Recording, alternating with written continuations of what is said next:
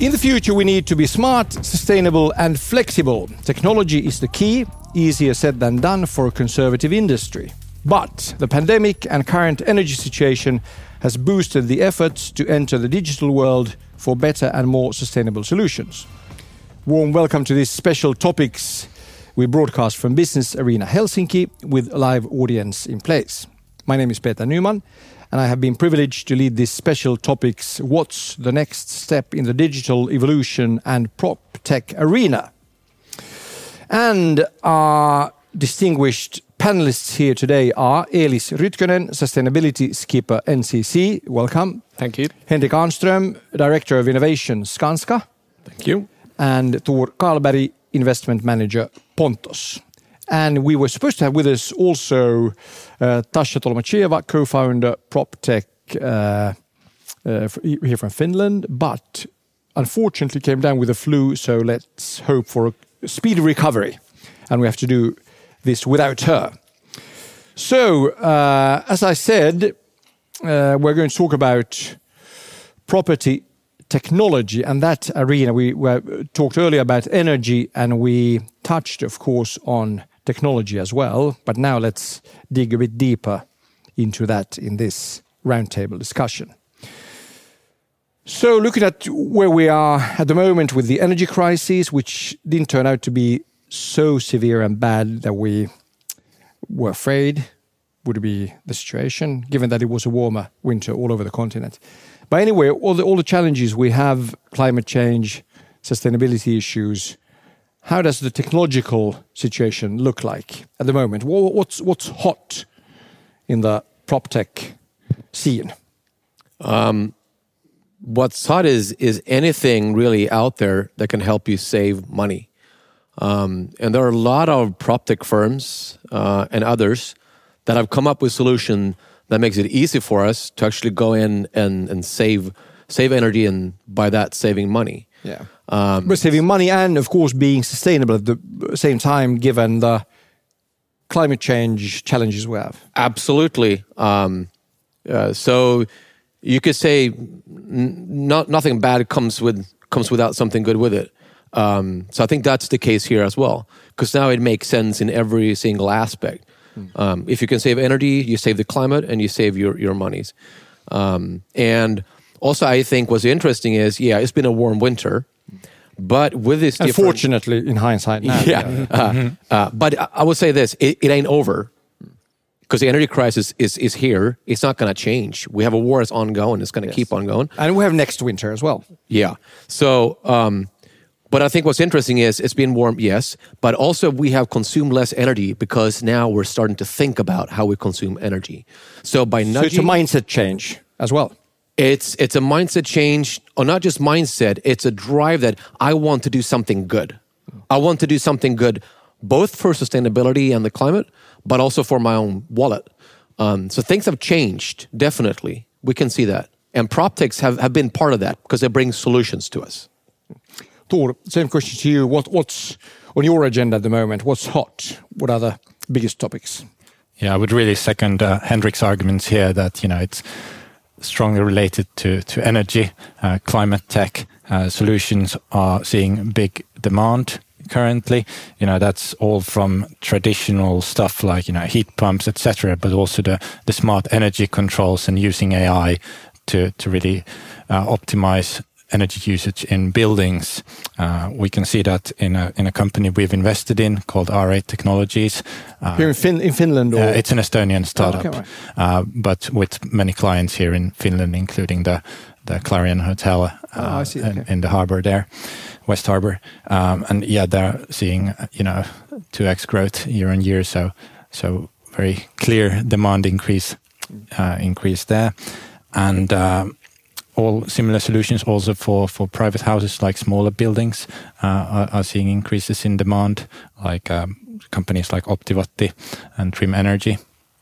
So uh, I think that's a, a sector that has really got a lot of fuel. And then you have, of course, on the on the construction side, you have the sustainable construction materials that are experiencing seeing a similar boom.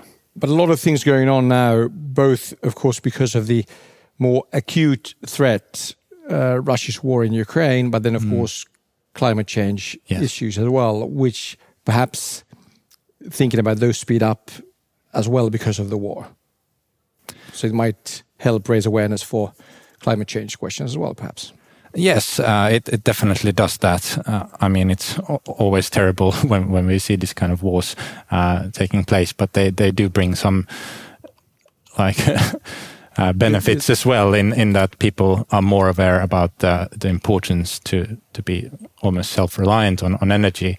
Uh, and we have the possibility to, to do that even here in Finland. We have uh, ample wind energy potential here, ample solar energy uh, potential even. Um, something people don't realize is that uh, here in the south of the country, we get almost as many hours of, of sun per year as they do in, in northern Germany. Um, we just happen to get it more in the in the summer when it's not as much needed. And so we need to I- I find a saw storage chart, solution. I saw a Yeah. chart about uh, uh, uh, average daily sun hours. Hmm. We have more sun here than they have in south, the south of England, even. Yes, So yes. that's that's an opportunity, isn't it? Well, uh, why I know England isn't known for its weather anyway. Uh, I think it's a, for us a nice surprise. Eelis, same question to you: What's hot and what's not now in the prop tech sector? And so how I see you can't kind of of course energy is crucial in there and that's what we are going to solve here and are solving currently but going even further and looking at the investments uh, in the prop tech scene kind of the prop tech scene investment wise has kind of stayed on the same level as last year but if you look at the clean tech investments so basically anything that can help us to get towards our carbon neutral goals, it's rising steadily. And uh, but- but did uh, sorry? Did something happen now since last February and with the war beginning? Did you see uh, an even bigger jump now? Or, yeah, or leap on, forward? on, on the clean tech side. Right. And I guess uh, kind of comping on what was said already, uh, it also it kind of saves your money, but it also does good for the environment.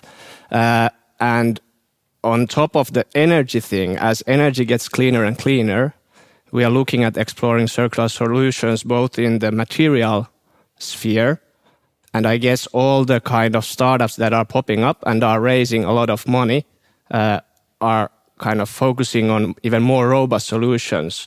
You take, like, for instance, Carbon uh, Quest, which is trying to uh, get the CO2s in the states from the gas uh, before it gets in the sphere uh, and tries to inject it in bricks that it's then you know pu- pushing forward. Or then you have um, other like examples like EcoWorks in Berlin that's trying to create second skins for the existing buildings in order Right. to make them easily fast energy efficient so my guess or I might be biased because in my in my filter bubbles everybody is surfing and everybody is working on like robust material solutions um, but um, in there it appears that more and more prop techs or clean techs are focusing on robust, tangible solutions. What used to be just software, even though we need that as well. So then, if we look at the use time, I guess even more and more um, companies like I don't know Spacent in Finland, for instance, which is trying to get the tenants to share their spaces because they are only spending half of the week uh, in the spaces currently, roughly said. Uh, then, if you can so kind of make the spaces circulate them as well. Sure, we, that which makes be- things, of course, much more efficient. That's right. But, So- but, but I like those skins, you know, turning your basic house into a mansion just because of, you know, a new skin you use. That's very, very convenient, isn't it? and energy efficient at the same time. That's right. That's right. That's a good win-win. Yeah. Hey, I, w- w- the thing is, we saw with the uh, the leap forward we took during the COVID years with uh, digital technology and and all these you know teams and people hybrid models working from home and stuff. And there's a lot of talk at some point about whether it's it's going to stick or not. Uh, yes, we're very motivated uh, in the middle of the crisis, but then when things get normalized, we sort of slip back to something else do you see the risks here with prop tech as well? And when the when the worst of the energy crisis at some point is over and there's only uh, climate change looming abstractively in many people's heads and not that perhaps acute a problem or something. Do you see us slipping back to not being that interested in efficiency? Henrik? No, I think it's here to stay for different reasons. PropTech is, is very broad. A lot of PropTech that popped up and really got utilized during COVID was, you know, apps, how you behave at the office, um, air quality kind of monitoring, all those things came up because of COVID. But the things in within PropTech around energy, around general sustainability, and and robustness, whatnot for future, that's here to stay. Because those had nothing to do with COVID, I'd say. Maybe things sped up, but yeah, they sure. weren't due to COVID. I think they're due to different different things. One is regulatory perspectives, and one is commercial perspectives. And both those two are starting to both merge, as you can see with the EU taxonomy, where the regulatory um, governance structures now start to become tied into financial sector. Um, but also you have commercial things that drives this by itself. It makes economic sense. Um, and also you you have new legislation coming from the EU by new energy directives, uh, smart building directives, and and carbon neutrality ambitions within the European Union. All those things put pressure on us to deliver. So why do we start to invest in clean techs, as, as you just mentioned? I think it's because of this. Because we have been picking the low hanging fruits for some years now. Because what we compare with in these different schemes is some kind of baseline based a few years back. And with known technology, we can, we can get somewhere. We can get to where we're at now. Mm. But the path forward, we have to do something else. We have to do more. We have to innovate. in this case, more would be what exactly? We, I think we're going to do more about really everything, uh, both about operational carbon, how we heat and cool and, and use our buildings, but also the embedded carbon within our buildings when we construct them, how we reuse and recycle materials in a better way. So it, it comes through really everything. Mm. So and we don't have the solutions for all that today. At least not the solutions we have are do not make financial sense. So we need to utilize innovation, working with prop techs and other firms to come up with the solutions that will take us into the future and going into the future, you know, going hand in hand with this new regulatory uh, schemes and certifications and all that. And so, sorry, just talking about uh, our earlier uh, energy roundtable discussion, uh, one, one of the panelists raised the question or the point of uh, what we need is a much more holistic approach. We need all these different parts uh, talking to each other legislation, innovation, consumers, politicians, all, all, the stuff. So, so do you see us going in the right direction uh, in prop tech as well? That, that we see a more holistic approach I think emerging? Yes and no. Um, the problem I see with prop techs is that they're very kind of narrow. A prop tech firm comes in and take his or her space and does their job right there. But it's almost like you're in a hole and you, you stop digging. Because, but you're not because getting, they are techno geeks. That's why. Yeah, but you're not getting out of your hole. Yeah. I think the solution for this is is ecosystems. Mm. We can't work with different prop tech firms or others doing different things. We need to work in a whole system, an ecosystem with one kind of overwhelming or overlooking like scheme uh, where we want to go. Well, but uh, do you see, Henrik? Do you see us going in that direction? Are we on the right path already? I th- so far I'd say no, but I think we will because of different legislation coming from the EU as an example. Because companies like like my own company Skanska setting standards and ambitions for the future this is forcing ourselves into building these ecosystems. I realized I can't work with, you know, single prop techs solving things here and there. We need to start building ecosystems. And Skanska is a big player. So is NCC. So are others in the market. We have to do this together. And we, we need to stop looking just at ourselves. We have to start looking at industries. So I'm looking at industry collaborations, changing things moving forward. You're hopeful? Yeah. Oh, good. Thanks, Henrik. Uh, comments on this and other things, Eelis and Tor. Yeah, that's very correct. I'm I'm kind of really like your thinking in there because if we think about circu- circularity as a like uh, umbrella term, we can't do it by ourselves. It's if something needs to circulate in the economy, we need all the players to be around there.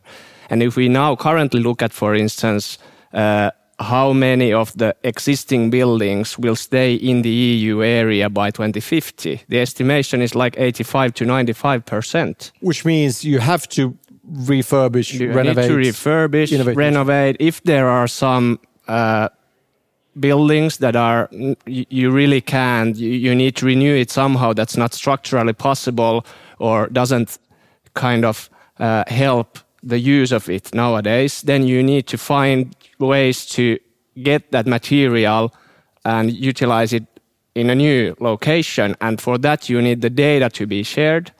And in order to find the exactly at the right time, the one that, that's being demolished and the one where it's being installed, you need to kind of understand the whole city as a kind of material bank for you to utilize. And there's one great example of this in Norway. MAD Architecture made, Yes, a, please, please tell. Yeah. made, made a case on it. So they harvested 20 different, uh, or their materials from 20 different locations Within the same city or within the same city, and they put them on the map and then started to, uh, you know, build them up. But it's not as clear yet, at least in Finland.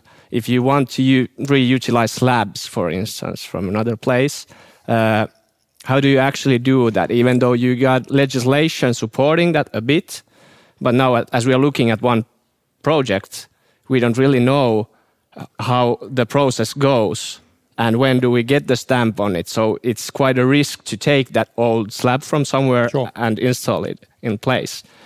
And for that, we need to find the right time um, kind of uh, buildings that could give that slab for the one that's that we've been building and, and so on. So we need uh, somebody to kind of uh, get, get the inventory to the whole city and, and what's what what the buildings have eaten, sort of. But do you see or, or, or can you see this going on or happening in Finland as well, for instance? Uh, or, or Sweden for that matter? I guess in order to kind of really meet the carbon uh, neutrality aims that everybody is talking about, we need to do that as the energy is going its own kind of uh, place. But the, the cleaner the energy, the more emphasis is put on the materials. Yeah. So now we had a refurbishment case, for instance, where the product stage embodied carbon was on the level that we are aiming for a new building to be in 2030. So we got seven years to find a way of building a new building uh, on the same level as an 83% recycle rate refurbished building today. How can we do that? That's a huge question in there. And that's why I guess uh, the kind of my first point that the um, the investments are going towards more robust solutions, like the second skins or like like anything that's kind of more tangible to to give the abilities for the buildings to be more like less include less carbon in them. Yeah, but, it, but you're, ho- you're hopeful as well there. You, you see yeah, yeah. going. I going guess there. we are going there, but like before we start discussing with one another, Yeah. I guess uh, that won't happen. Well, that's why we are here. That's right. So you get to discuss to each other. So that's why it's promising. talk to each other. uh, and, and Tor, uh, I see your pen uh, already glowing, smoking soon. You're, you're, Absolutely, You have some, thoughts on some this as well? on this one. Yeah. Um, so, I mean, like like you you said, Henrik, on the EU taxonomy being tied to financing cost, you know, it starts with just the energy use of the buildings today, but you know, with time that will start to include also the embodied carbon, which uh, Eelis mentioned, and that's a big shift in how we're thinking about, you know, building, uh, constructing buildings today. Uh, that you know, it doesn't really matter how good HVAC and energy efficient HVAC and heating systems you put into the building, uh, if it's built with a massive amount of, of old school concrete, uh, that's why we need to find a way to lower the carbon intensity of the materials we use. We can use wood, like cross-laminated timber. We can use, uh, you know, low carbon concrete, or even negative uh, carbon concrete, which I, I think the uh, company you alluded to was was working on. I mean, there are plenty plenty of companies in that industry, uh, and, and those guys are just going to see a massive uh, increase of both capital investment and they are already uh, seeing a lot of demand from from construction companies. Uh, there's almost a bit of a problem there that there's more demand than, than there are suppliers uh, at the moment. Um, and then on the on the point of that we need to be be talking to each other and build ecosystems, fully agree there. Um, there's also like you know the, the prop tech companies, they're not stupid. They're also realizing that they are serving a too niche product. Uh, and, and some of them are, for that very reason, starting to consolidate uh, adjacent tech technology companies that are providing a service that is not exactly the same but something similar. So they're broadening their their offering that way, and these are sometimes backed by by private equity uh, players and, and, and sometimes some strategic investors. Uh, but but it's really a trend that is accelerating at the moment. Henrik, your thoughts on what Eelis and Tor said? Anything to add? No, a, a few things um, about circularity and reuse of materials and so on it it's super simple in theory, or not simple, but in theory you you find solutions. But in practice, it gets super hard. We have example from Oslo as uh, we tried a few years back. It was in the contract to reuse all the materials and move it from one demo project to another.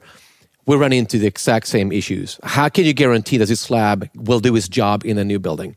When you demoed it, it, it wasn't built to be demoed. You damaged it, the whole thing. So the first step is to start to understand how do we design buildings today to make sure they're designed for disassemble. And that's part of the EU taxonomy, by the way. Right. But we're doing that now. So we're running products in Skanska looking at just that with the industry in Norway as a kind of right. spin-off from the from the product we just did. So that that's that's one thing. The other thing is how does how does this like embodied carbon and, and concrete how does that connect with tech and, and prop techs? I think it does because as was mentioned a building is also some kind of bank of materials for the future. But if it's going to truly be that bank you need to know what's on your account and exactly in which account it is. So you have to start building those models and systems to understand what do we have and what makes sense to use and when um, and that isn't that is not done. We all talked about you know digital twins and BIM models, and and we use those for different kind of use cases during construction. But as soon as those uh, models end up at um, at a long term real estate owner, I'm sorry, but they become obsolete because yeah, they're not updated, they're not yeah. used, they're not utilized. That needs but to if change. You, if you use sort of BIM and digital uh, twins correctly, of course, it's a huge benefit compared to not having yeah, them. You but you need to take care of it. So we need to find systems where you find the different use cases of keeping it updated, using it, um, making sure that when when you need it in 20 years, that is worth it's still there. Yeah, yeah. But it's still it's, there. Yeah, yeah, yeah, That that really hasn't happened yet, but I think it will. And maybe we'll also need regulatory. Uh, parts to come in and, and dictate how to do that as well. And and once again, the EU taxonomy is pointing at it, so it's coming. Otherwise, it's like like Mika Dahlén, who in his presentation earlier this morning showed the picture of the man who found his car after 20 years. He forgot where he had parked it. yeah, in the states yeah. somewhere. But there are, there are things going on. I know one of my colleagues here in Helsinki. I mean, um, she refers to what's happened at university, where she spends half of her time. There's a lot of things going on uh, also at this at universities looking at these solutions because so things will happen but we need to understand what to do and when yeah yes. I, I, definitely guess that's part of the solution that we kind of design for disassembly and then we really know what what the building has eaten and what, what are the ingredients in there but at the same time we are quite in a hurry with the crisis the climate crisis and that's going to save us in say what 60 70 years or 100 years when the building might be dismantled. But currently, we got like uh, 75% of the building stock is underperforming. energy wise and that's pushing the co2s there so we need to also find solutions how to refurbish them or how to if if we need to demolish them for some reason then we need to find ways even though it's too difficult now and it, it, it, feels like a mission impossible. We need to find solutions to do that because we got like uh, carbon budget if we want to reach the 1.5 degrees celsius lifestyle we got six years left. So it's quite close already. Then we're going above it and and on that note, you you might have heard the music, so it means the party is starting. We have to finish soon. I don't know what the music was, but anyway, when this business arena event, a lot of things happen, which all are part of the process. But but anyway, it was music for something else, not not this show. Hey, Tor, uh, before we finish, I know you have uh, wanted to raise at least one question extra. That's how to secure a forward motion when the economy is slowing down. A few more words on that. Yeah, yeah, no, happy to to comment on it. Um, so I, I, think there's a lot of momentum build, built up in in the prop tech sector and like in construction companies and real estate companies on using tech uh, now with, with the down? pandemic. Um, so so there's a lot of momentum. It's gonna you know ride out that bubble. But even if you know there's a severe bubble or like drop, sorry, in in the economy, these solutions that the companies are property companies are bringing lower the the cost uh, for the companies and they're usually increasing efficiency. These are the very measures that are helping to lower inflation uh, in the economy, and that will then allow you know the central banks to to start easing the monetary tightening. Henrik, final words. Final words. Um, Fire away. um, I think um, we used to say the prop tech is broken and we need to fix it. And what we say by that is that there are great ambitions and everyone wants to help out, but you have a very siloed industry with everyone looking at their own kind of scheme, what they're own, doing on their own, in their own silo. We need to break that. And what, what holds those silos in place now? Uh, really strong actors in the building industry yeah. um, who create their own systems of doing things. Um, and everyone is very kind of protective around what they produce themselves. We need to break that, build that ecosystem so we can all help out. That's when PropTech get fixed, and that's when PropTech really is going to add value. As a, as a final question, I ask you once more: hopeful? Yeah. Okay. Great. Hey, thank you very much for for um, uh, your input in this distinguished panel. Uh, and uh, Eelis, Henrik, and, and Tor, and Tasha was supposed to be here as well, but, but home with a flu. So let's hope she, she gets well soon. You can listen to more podcasts from Business Arena Helsinki. Search for Business Arena where podcasts are located. Thank you also to our huge, humongous, physical audience present here today. Thank you very much.